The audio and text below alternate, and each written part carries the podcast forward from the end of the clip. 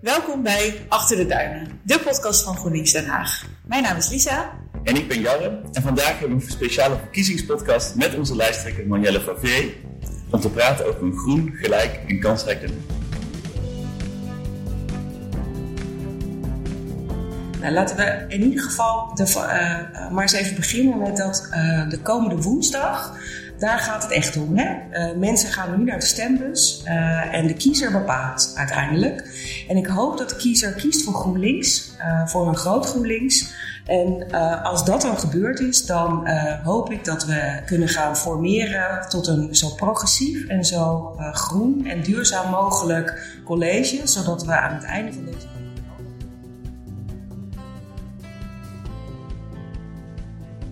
Welkom Marielle, leuk dat je er bent. Dankjewel. In deze drukke campagnetijd heb je ook nog even tijd kunnen vinden om langs te komen bij de podcast. Ja. En om daar maar meteen uh, over te praten. Hoe gaat het deze campagne? Hoe vind je het? Um, ik vind het een uh, hele leuke campagne. Ik vind het ook een hele bijzondere campagne.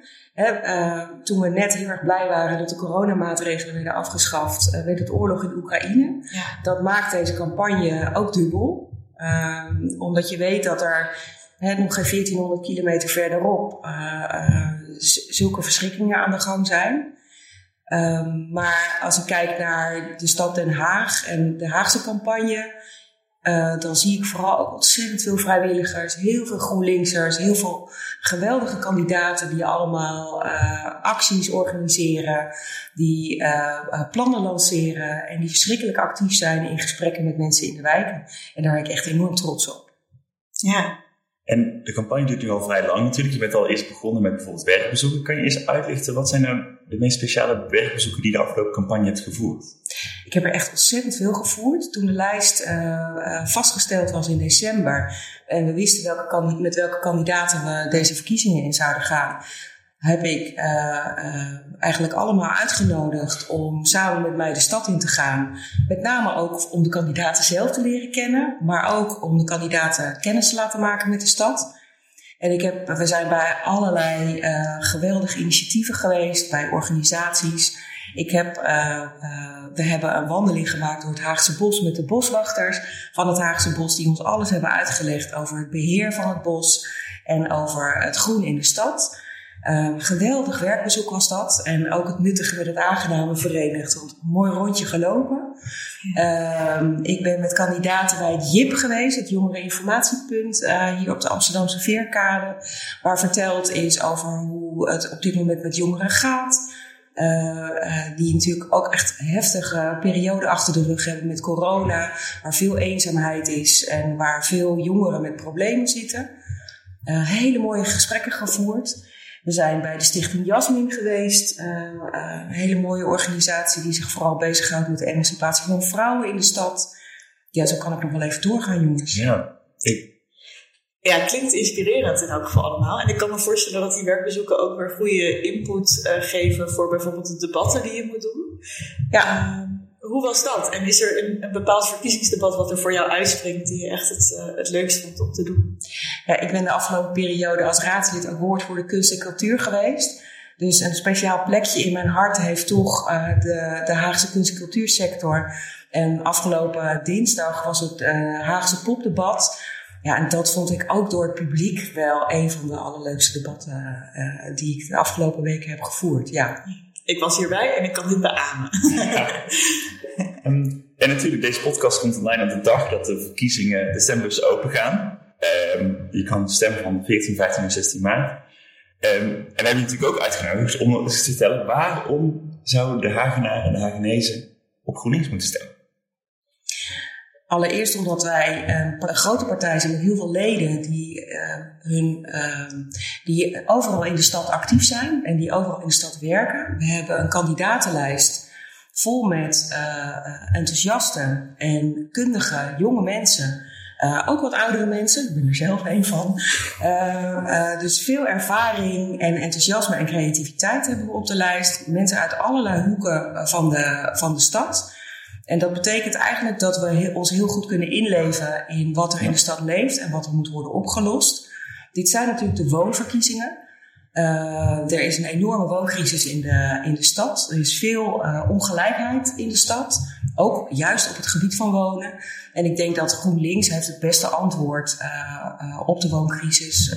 met een aanpak die iedereen kan aanspreken. En die ook eerlijk is en menselijk. En de mens centraal stelt. En niet de projectontwikkelaars of het systeem of de regeltjes. Mooi. En naast wonen is natuurlijk ook het fijn leven in een groene, groene stad belangrijk. Kun je iets vertellen over de plannen van GroenLinks daarvoor?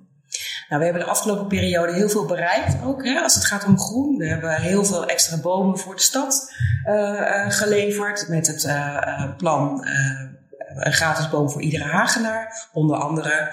Um, en daarnaast hebben we met onze klimaat- en duurzaamheidswethouder heel veel stappen gezet in het verduurzamen van de stad. Er zijn ontzettend veel zonnepanelen bijgekomen. Er zijn heel veel hele mooie energiecoöperaties ondersteund uh, en verder geholpen, maar ook opgestart. En niet alleen in de Goede Wijk, in het Statenkwartier en in het Regentessenkwartier, maar ook in Moerwijk bijvoorbeeld. Um, en daar willen we ook echt mee door in de komende periode. Ik denk echt, en je ziet het nu, hè, uh, de energierekeningen gaan door het dak. Ik denk echt dat we de komende periode verder moeten gaan op dit, uh, op dit pad. Maar met name ons moeten gaan richten op de kwetsbare wijken in de stad, waar uh, mensen hun energierekening niet meer kunnen betalen. Waar de kansen ongelijkheid of de kansen gelijkheid in gevaar komt, doordat kinderen hun huiswerk niet kunnen maken, omdat ouders de energierekening niet kunnen betalen. Ik was gisteren bij het klimaatalarm. En daar werd een verhaal verteld van uh, uh, moeder Nick en haar dochter. Waarvan de dochter bij kaarslicht uh, haar huiswerk zit te maken s'avonds. Omdat ze echt moeten besparen. nou, dat is echt iets, die energiecrisis die raakt ons allemaal. Maar die raakt met name de kwetsbare mensen. De mensen die het toch al moeilijk hebben om rond te komen elke maand. En ik vind echt, daar moeten we in de komende periode extra hard op inzetten. Ik hoor je heel veel mooie plannen, uh, plannen zeggen en je refereerde net ook al aan. We hebben ook veel bereikt uh, de afgelopen vier jaar. Kun je een voorbeeld noemen van een resultaat uh, waar GroenLinks zich de afgelopen jaren voor in heeft gezet? In de raad en in het college. En wat, nou, waar je trots op bent? Nou, ik noemde net al wat resultaten op groen en duurzaamheid. En ik denk uh, dat op de portefeuille sociale zaken, uh, hè, werk en inkomen en armoedebeleid, uh, dat we daar ook hele mooie resultaten hebben bereikt. Ik noem maar dat we als Den Haag de eerste stad waren die de Haagse slachtoffers van de toeslagenaffaire meteen heeft geholpen. En uh, daar zijn we, zijn we ook mee doorgegaan. Hè? Dus uh, niet alleen de gemeentelijke schulden kwijtschelden, maar ook samen met hen kijken naar hoe uh, het totale pakket aan schulden kan worden aangepakt. Ik denk dat we daar echt heel trots op kunnen zijn. En daarnaast vind ik dat, er, dat we vooral hebben laten zien als GroenLinks bestuurders dat we uh, de mens centraal hebben gesteld en niet de, uh, het systeem en de regeltjes. En dat zie je met name heel erg terug in die portefeuille sociale zaken. Um, bijvoorbeeld, de, de, afgelopen week is bekend geworden dat heeft de wethouder een, een, plan bekendgemaakt om die kostendelersnorm te schrappen. dat, er, dat mensen gewoon kunnen blijven samenwonen zonder dat ze kunnen gaan samenwonen zonder dat ze gekort worden op hun uitkering. Uh, daar is Den Haag echt al een hele tijd uh, uh, op, op individueel niveau al mee aan het experimenteren. We doen het al veel langer. Rotterdam deed heel stoer deze week, maar Den Haag doet het echt al veel langer. Alleen zijn wij daar wat meer bescheiden over.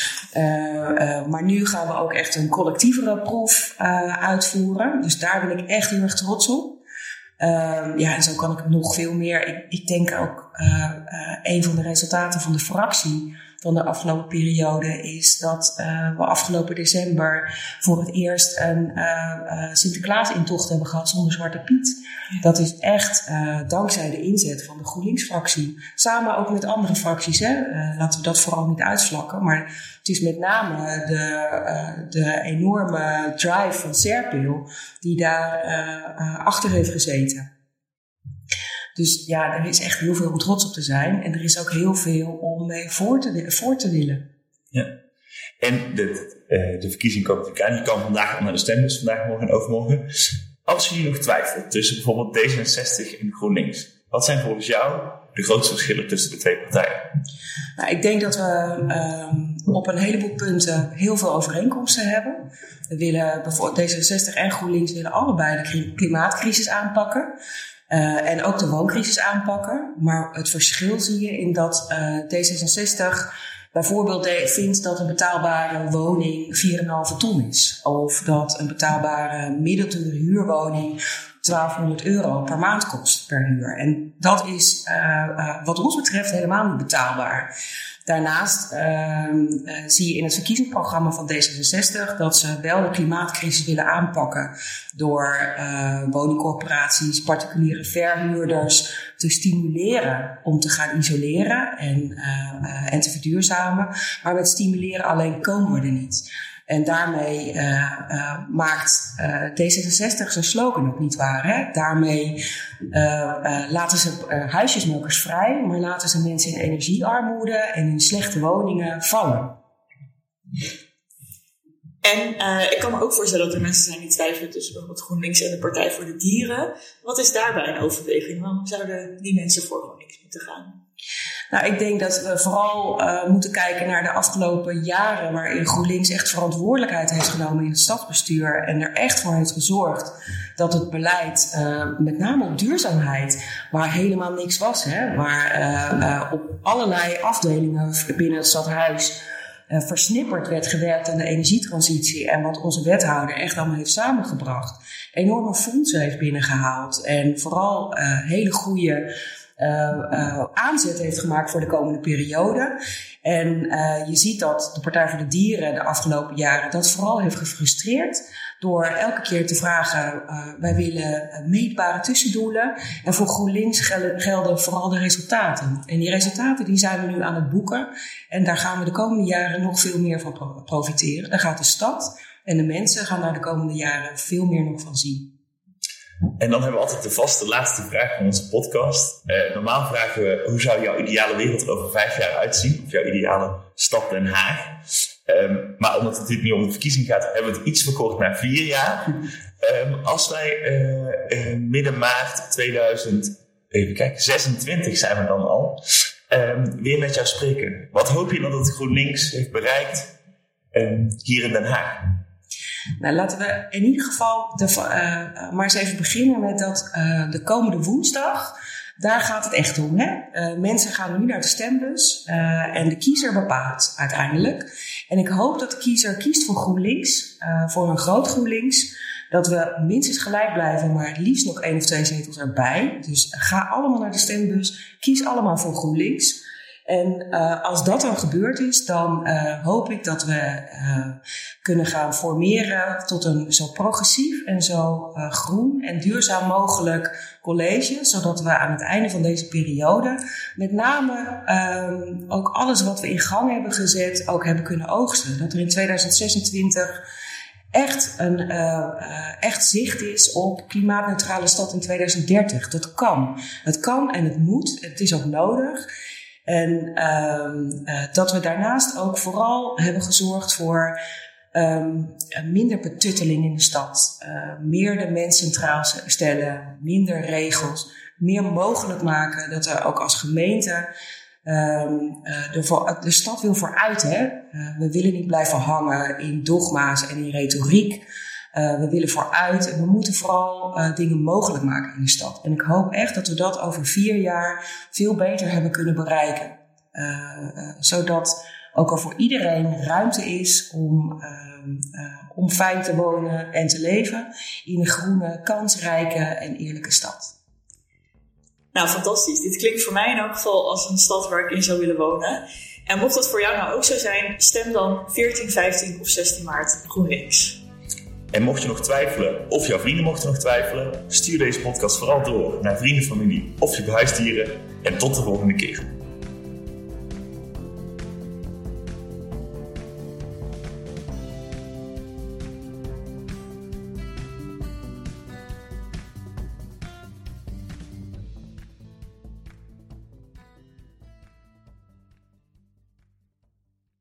Achter de Duinen wordt geproduceerd door GroenLinks Den Haag. En de muziek van deze aflevering is van de Blue Dot Sessions.